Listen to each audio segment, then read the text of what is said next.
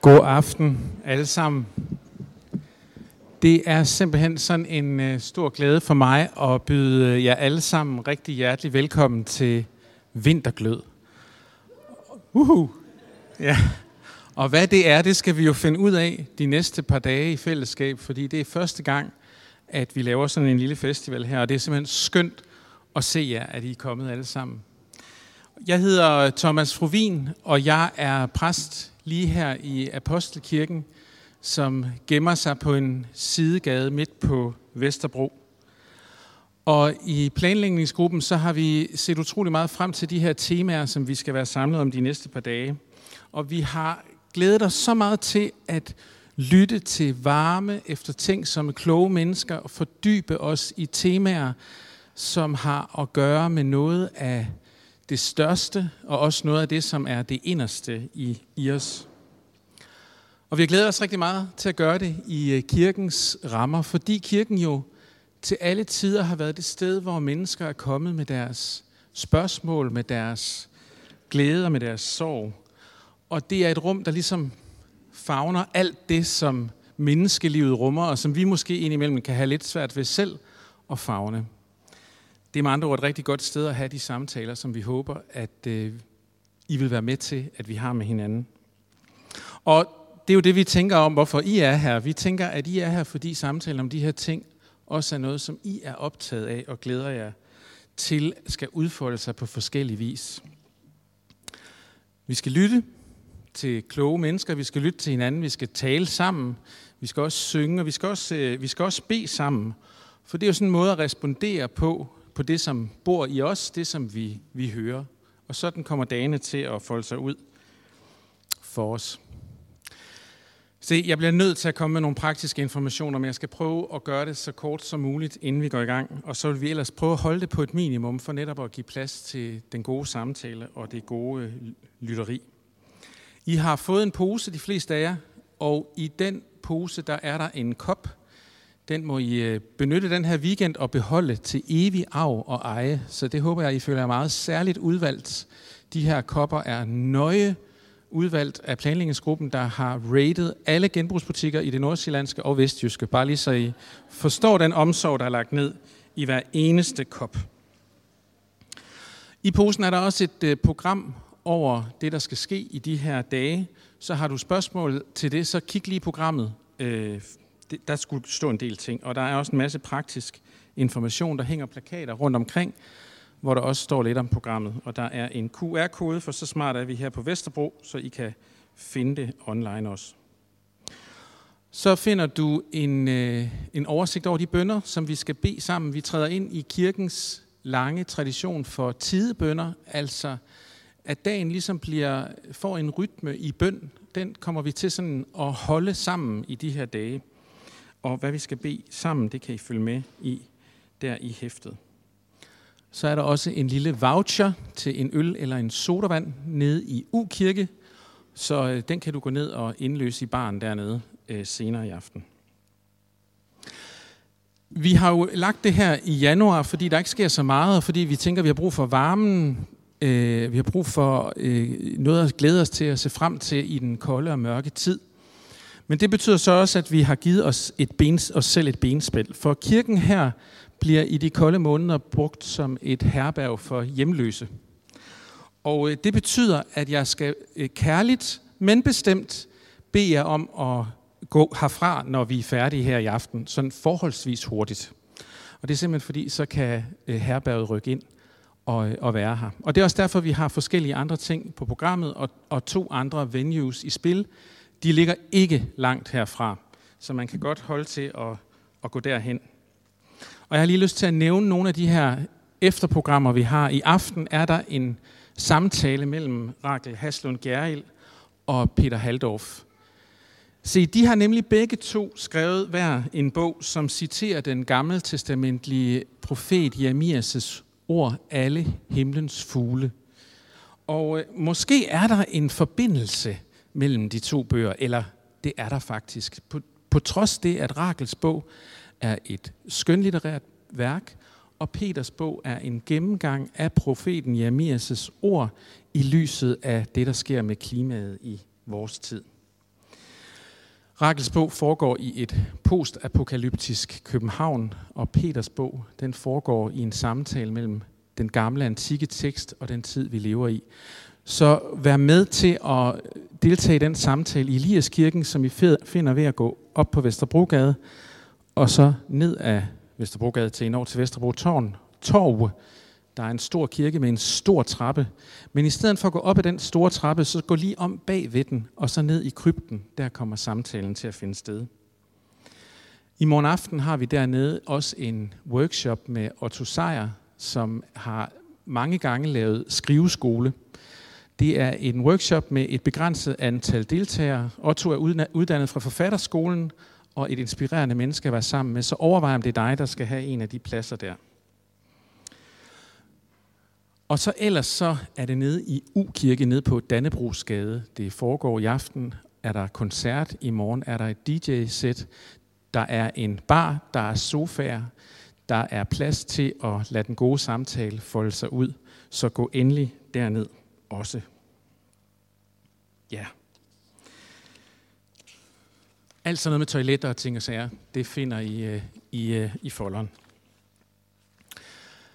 Og nu skal vi til at lytte til Peter Haldorf. Og Peter taler jo svensk, og det har at gøre med, at han kommer fra Sverige.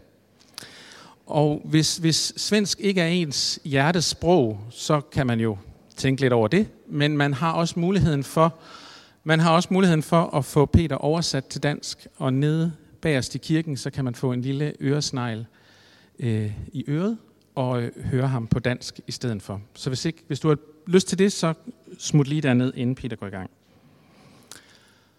Og det gælder jo også ved hans foredrag i morgen. Og nu, Peter, så er det min store glæde og fornøjelse at byde velkommen til dig. Tusind tak, fordi du har taget turen herned til os i København, ned til København. Peter er præst, Peter er retræteleder, og Peter er forfatter til mange bøger. Flere af dem har jo sådan også fået klassikerstatus herhjemme, for eksempel Drik dybt af ånden og det fædrene ophav, for at nævne bare et par stykker. Du har en bog på vej, som kommer i næste uge, som handler om det, der sker i Israel og Palæstina netop nu. Og jeg er selv en af de mange mennesker, som i årenes løb er blevet enormt beriget og inspireret af det, som du har skrevet og det, som du har gjort i, øh, i din tjeneste. Og når jeg ser på dig, Peter, så, så, så øh, observerer jeg sådan en dobbelt bevægelse i, i dit liv. Der er både vejen fremad, der handler om at prøve at forstå, hvad det er for en tid, vi lever i som mennesker, og hvordan den påvirker os. Og så er det også som om, når man læser og lytter til dig, at der er noget, der skuer tilbage, tilbage i kirkens historie, i det skatkammer af teologi, af liturgi, som findes, for der måske at finde nøgler og forståelser, noget vi glemte på rejsen, som det kan være vigtigt for os at vende tilbage til, og som kan hjælpe os til det, som er vores liv her og nu. Og det betyder, at det, det, som du skriver, det handler så meget for mig at se om at være et menneske i verden. Og det er jo nogle gange en lille smule besværligt at være et menneske i verden, så det er godt, der er nogen, der kan hjælpe os til at reflektere over det.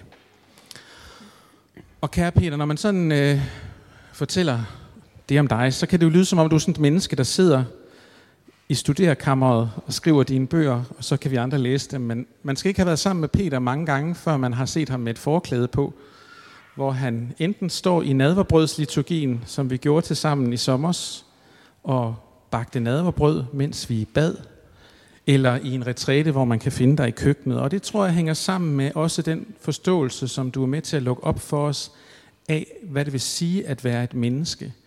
Et menneske er sjæl, ånd og krop. Og de ting, de ting hænger sammen. Og det er, når de ting mødes i Gud, i fællesskabet med Gud, at vi faktisk bliver til mennesker. Og det er der, vi kan finde hjælp og styrke til at leve og agere i verden. Og i aften skal du tale til os om at leve i en verden med brudhed, og så bevare sit hjerte helt. Og det glæder vi os simpelthen så meget til at lytte til. Det tror jeg er vanskeligt for mange af os. Hvordan bevarer vi et helt hjerte i en verden, som er så fuld af udfordringer til os? Så tak fordi du er sammen med os, og vi glæder os også til at lytte til dig i, i morgen. Men inden jeg giver ordet til Peter, så lad os lige kort bede sammen.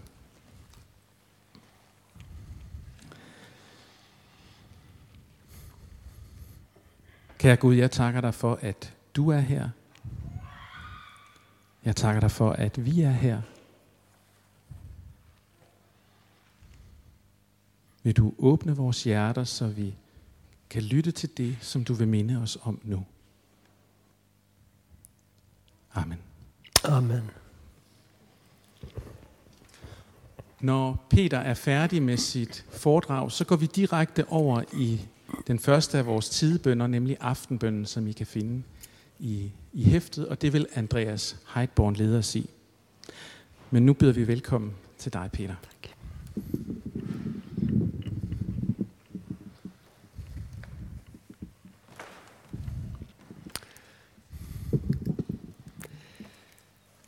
Good evening everyone. Så fantastiskt fint att få vara här. Tack Thomas för dina varma ord. Och jag har sett fram emot de här dagarna tillsammans med er. Vi har just avslutat världens största ekumeniska manifestation. Den avslutades igår. Den som varje år infaller mellan den 18 och 25 januari. Den globala böneveckan för kristen enhet.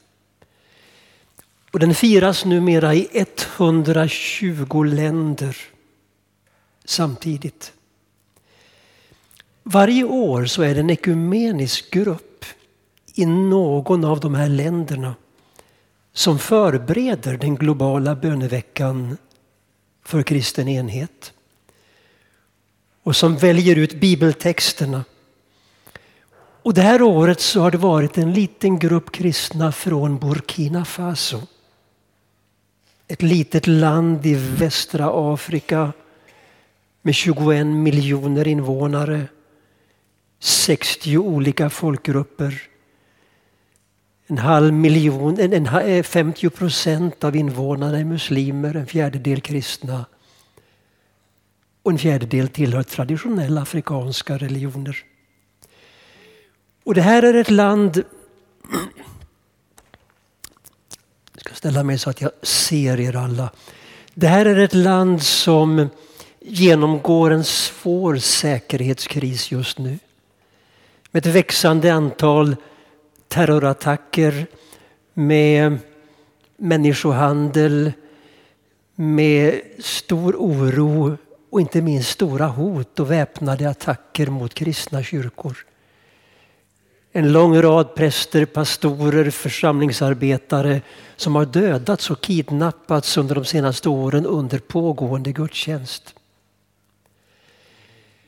Och när dessa kristna, en liten ekumenisk grupp, har förberett årets globala bönevecka för kristen enhet. Vad har de valt för evangelietext? En enda vers. Den mest radikala man kan tänka sig. Och inte minst naturligtvis då i ljuset av den situation dessa människor lever i Burkina Faso. De valde Lukas evangeliets tionde kapitel och 27 vers. Det är där Jesus sammanfattar allting i orden Älska Herren din Gud med ett odelat hjärta, med en odelad själ, med en odelad kraft, med ett odelat förstånd. Och din nästa som dig själv. Och jag tar det där ordet som utgångspunkt ikväll. Både för att det landar rakt i vårt tema. Men också för att det har varit ett ord som har reflekterats över, betts över, predikats över den senaste veckan i 120 nationer bland kristna.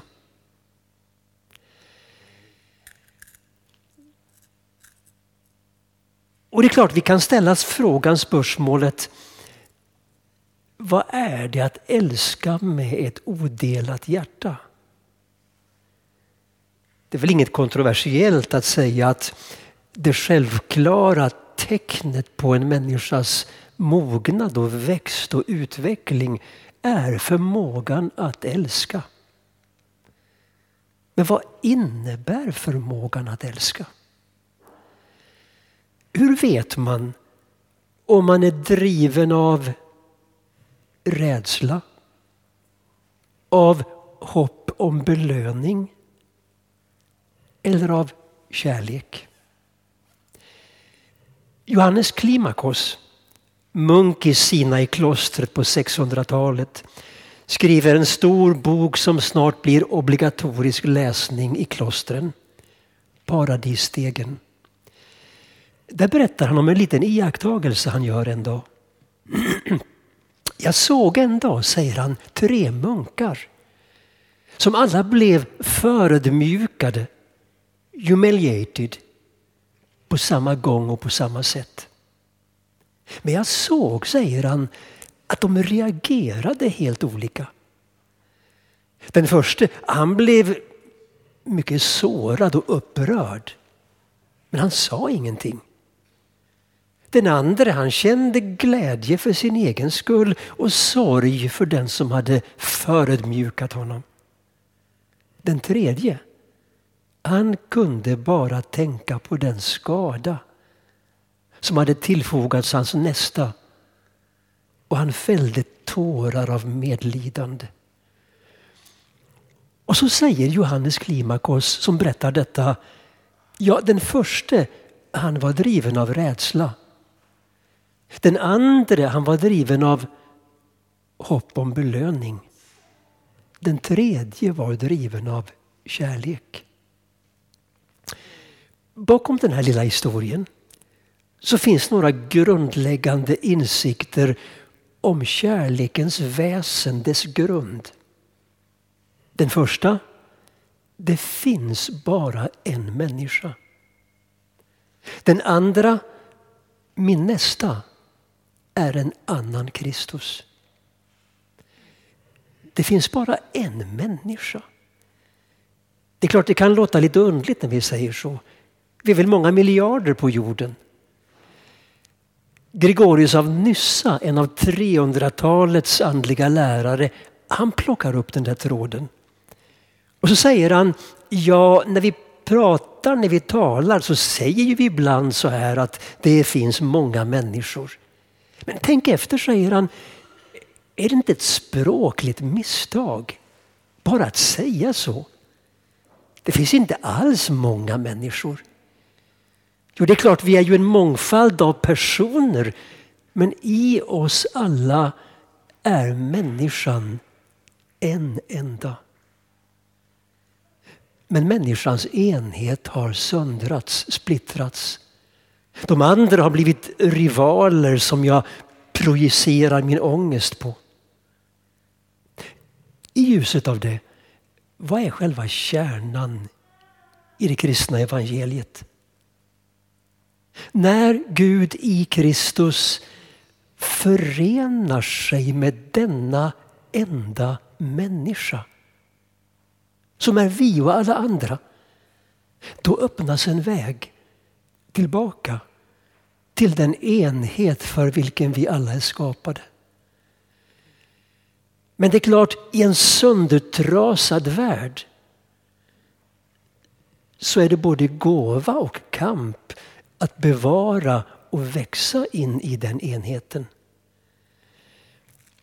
En munk i öknen på 300-talet säger det har tagit mig 20 år av kamp att kunna se alla människor som en enda.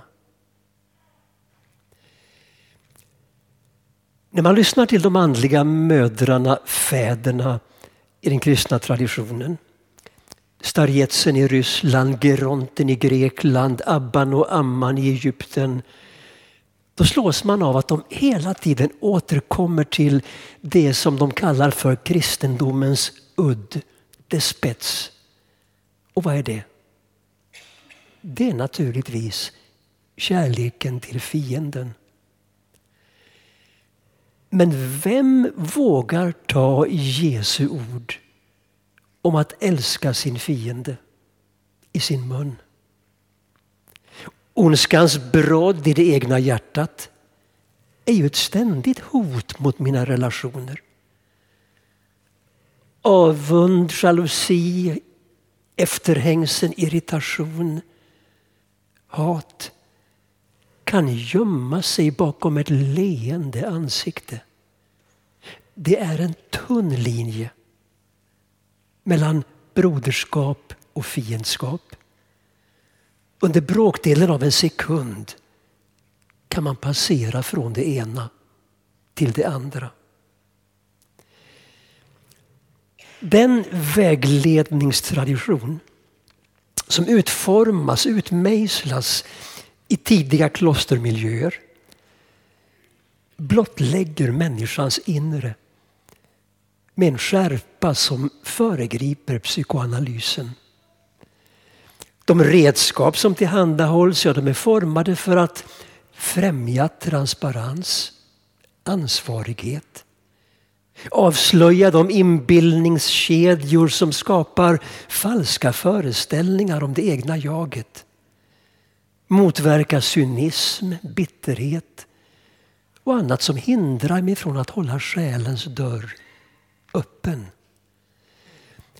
Allt syftar till att forma gemenskaper där man kan växa i självförglömmelse. Och I den här traditionen så håller man sig med en ganska krass definition av helighet. Jag vet inte vad vi skulle svara om vi fick frågan vad är helighet egentligen? Här säger man helighet. Vanan att stå ut med de andras annanhet. Vanan att stå ut med de andras annanhet. To bear with the otherness of the other.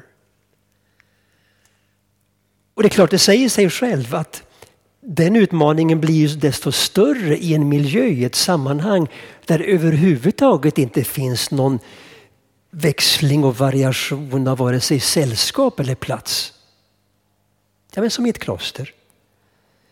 Frestelsen att gömma sig bakom en falsk frid. Att bygga upp en mur omkring sig av vanemässiga reaktioner för att slippa konfronteras med den som man hela tiden irriterar sig på. Ja, men den finns ju där hela tiden. Och det sätt på vilket dessa andliga mödrar och fäder talar till oss om hur vi behöver arbeta med vårt inre liv och våra relationer. Det får nog många nutida terapimetoder att framstå som mer eller mindre trubbiga.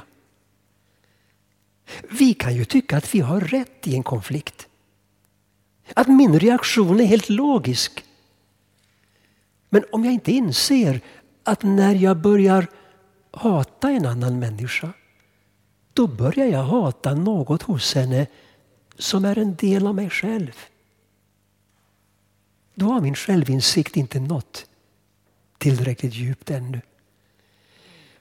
Har din broder gjort dig irriterad? Och irritationen gett upphov till hat? Frågar Maximus bekännaren på 600-talet. Ja, säger han, ja, men låt det då inte övervinnas utan övervinn hatet med kärleken. Det är lätt att säga. Hur gör man det? Ja, säger Maximus, ett sätt kan ju vara att börja bära den andre dagligen i sin bön. Och om ingenting annat hjälper, tiga och absolut inte tala illa om honom. Här har vi alltså en spiritualitet, en andlig tradition där kärleken är större än bönen. Bönen är en av många dygder och övningar. Kärleken inbegriper och rymmer dem alla. Sen kanske man kan behöva flika in för oss då nutida läsare av denna vägledningstradition och litteratur att vad dessa andliga mödrar och fäder förespråkar det är inte att vi ska tränga undan våra känslor eller bara passivt acceptera att bli orättvist behandlade. Men de visar på en väg där man inte behöver fastna i ett ältande av känslor. Och framförallt framhåller de det nödvändiga i att slå följe med en medmänniska. Någon som bara genom sin närvaro och sitt lyssnande hjälper mig att urskilja frestelsen att fly in i en falsk frid. Eller till självförakt och självanklagelser eller vad det nu kan vara. Här har vi alltså en spiritualitet där den röda tråden är att det finns i grunden bara en synd. Föraktet. Och omvänt, det finns bara en dygd. Att aldrig någonsin förakta eller döma en annan människa. Johannes Klimakos som jag citerade, munken i Sina i klostret på 600-talet. Han tar på ett ställe upp vad som får olika människor på fall. Och så säger han, ja nybörjarna på vägen. Det verkar som att de ofta kommer på fall på grund av ha-begäret. De som har hunnit ett litet stycke på vägen de kommer ofta på fall för de börjar få lite för höga tankar om sig själva. De, säger han, som närmar sig fullkomligheten de kommer på fall enbart därför att de dömer sin nästa. Det konsekventa avståndstagandet från alla former av dömande i denna tradition har ju en slående relevans egentligen i en kultur som vår. Där vi har blivit så vana vid att rättfärdiga oss själva genom att attackera andra. Denna men du då teknik som ju till och med har fått ett eget namn på engelska under senare år. Whataboutism. Här säger man recenserandet av medmänniskorna får alla andliga övningar och ambitioner att mista sitt värde. För i det andliga livet handlar sann kärlek om att veta att man är skyldig till allt och i allas ställe. Ja, det finns ju bara en människa. Det här är ledmotivet i många av de små anekdoter, historier, berättelser som man samlar från de tidiga klostren i en volym som på grekiska kallas apoftegmata Patrum. På engelska populärt The sayings of the desert fathers and mothers. Ökenfädernas tänkespråk. Och de här förtällingarna, historierna fungerar som en slags inskolning i dessa gemenskaper i en icke-dömande livshållning. Något exempel på hur de kan låta. Den här historien till exempel. En broder hade blivit tagen på bar gärning med en kvinna i sin cell. Bröderna som upptäckte det kom springande till den andlige fadern och sa kom, kom, kom, och titta, det finns en kvinna i den där broderns cell. När brodern genom en öppning i cellen såg dem komma skyndade han sig att gömma kvinnan i en tunna. När de kom in i cellen så gick den andlige fadern Abamonas bort och satte sig på tunnan. Han visste ju att brodern gömde kvinnan där. Sök igenom cellen, sa han till de andra bröderna. När de förtvivlat letade och inte kunde hitta hitta henne så sa Abba Monas Må Gud förlåta er. Och de gick ut allesammans. Och den andlige fadern Abba Monas tog brodern i sin hand och sa Ta väl vara på dig broder. Och så heter det i avslutningen av historien Abamonas medkänsla och människokärlek verkade i broderns hjärta och han fann en ny väg i sitt liv. Och Det finns många liknande berättelser.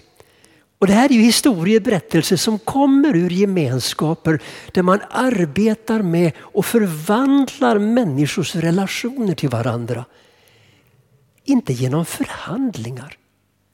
Inte genom motvilliga eftergifter. Inte genom en viss etik. Men genom ett etos. Sprunget ur en ontologi, en förståelse av vem människan är. Där den ene är den andra.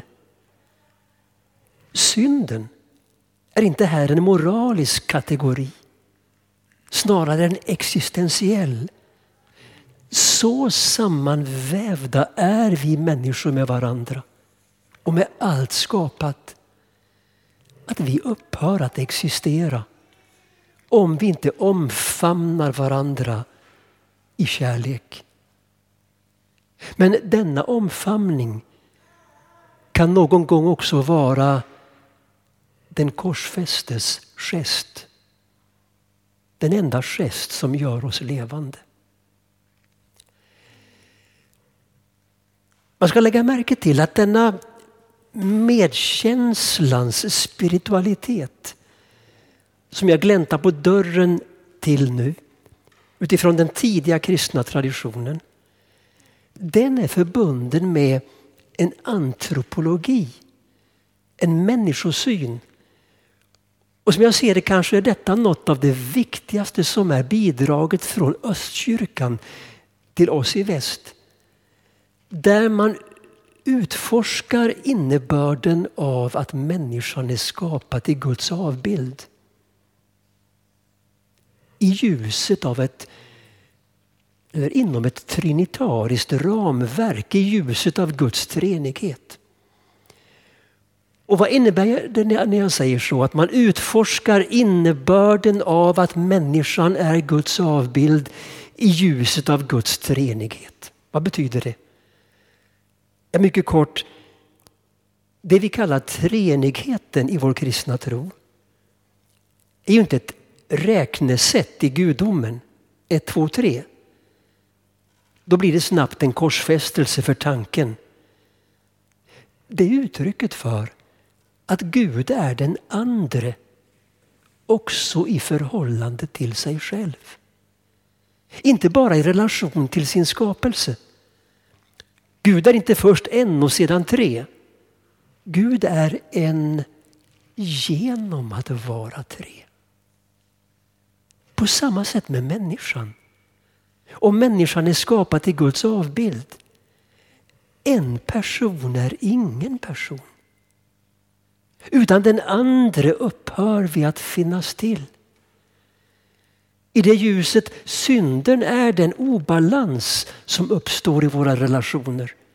När olikhet leder till oenighet. När distinktion skapar distans. Eller frihet byts i förtryck. Den söndring, det brott som detta skapar det löser vi inte med hjälp av förhandlingar. Eller motvilliga eftergifter. Eller en viss etik. Det krävs ett nytt etos. Eller med Bibelns språk, ett nytt hjärta.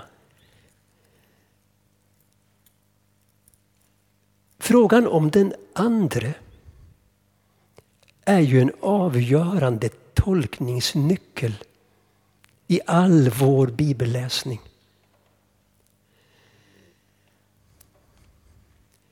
Det är klart, i realpolitikens värld så kan ju ibland välkomnandet av den andra framstå som helt absurd. Ja, tänk Israel och Palestina just nu.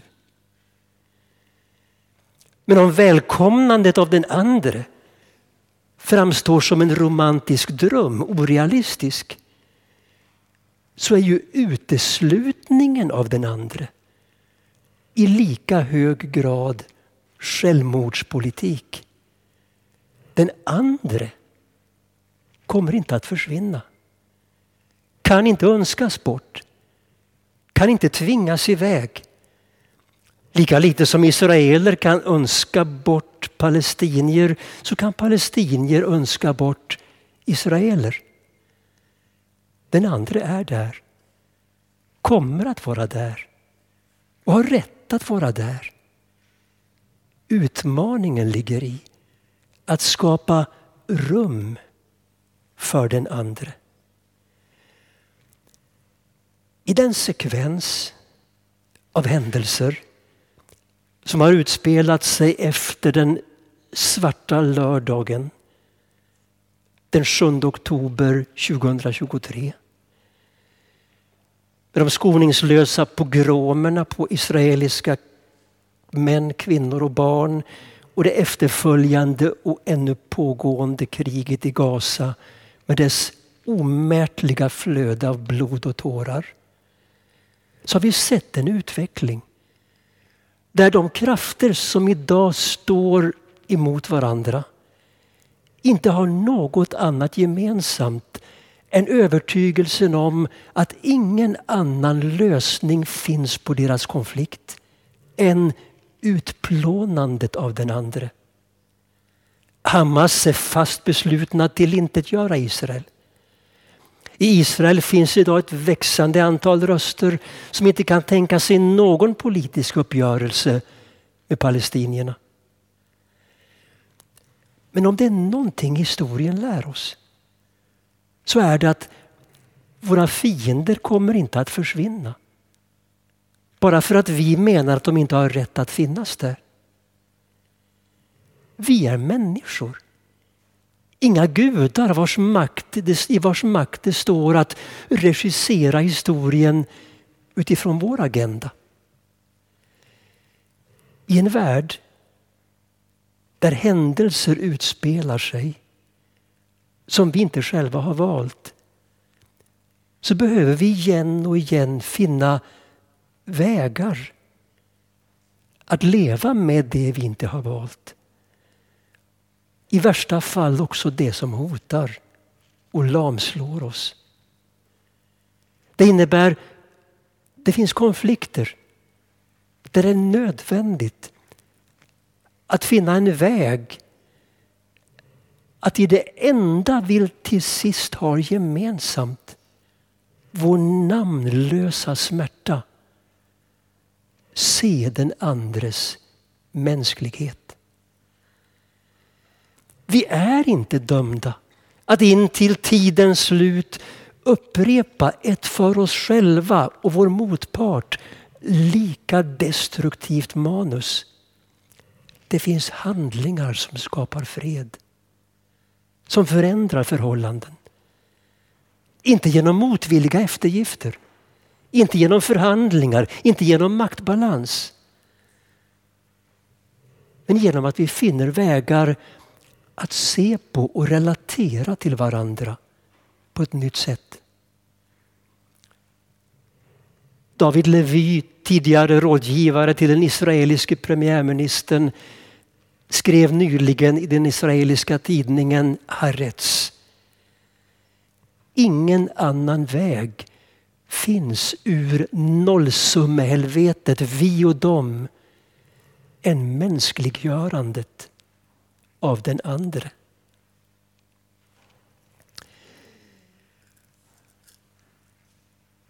Vi kan tycka att en del av detta som vi berör ikväll är utmanande. De här historierna till exempel från öknen. Om icke-dömandet. Och om det är utmanande för oss, deeply challenging, så kan det bero på att de ställer oss inför frågan var vi har vår trygghet. Är det upplevelsen av att jag har kontroll över bilden av mig själv? Och kanske till och med mitt förhållande till Gud som får mig att känna trygghet. I den gemenskap omkring Jesus som kyrkan är kallad att vara så ifrågasätts själva grundvalen för begrepp som tillhörighet, makt. Det är i den meningen Jesus säger att hans rike inte är av denna världen. Det vill säga, det är inte av ett slag där man ryker ihop för att försvara positioner och territorier. Kyrkan tävlar inte om utrymme i den här världen. När hon börjar göra det, vilket ju vi alla vet att hon alltför ofta börjar göra, då leder det ofrånkomligen till att vi börjar dela in varandra i vinnare och förlorare. Den sanning som Jesus representerar, den är sådan att den blir osann i samma stund när den, som den försvaras. Åtminstone när den försvaras på ett visst sätt. Och därför, Guds rike kan inte ritas in på världskartan. Det finns överallt och ingenstans. Var tar det sin början?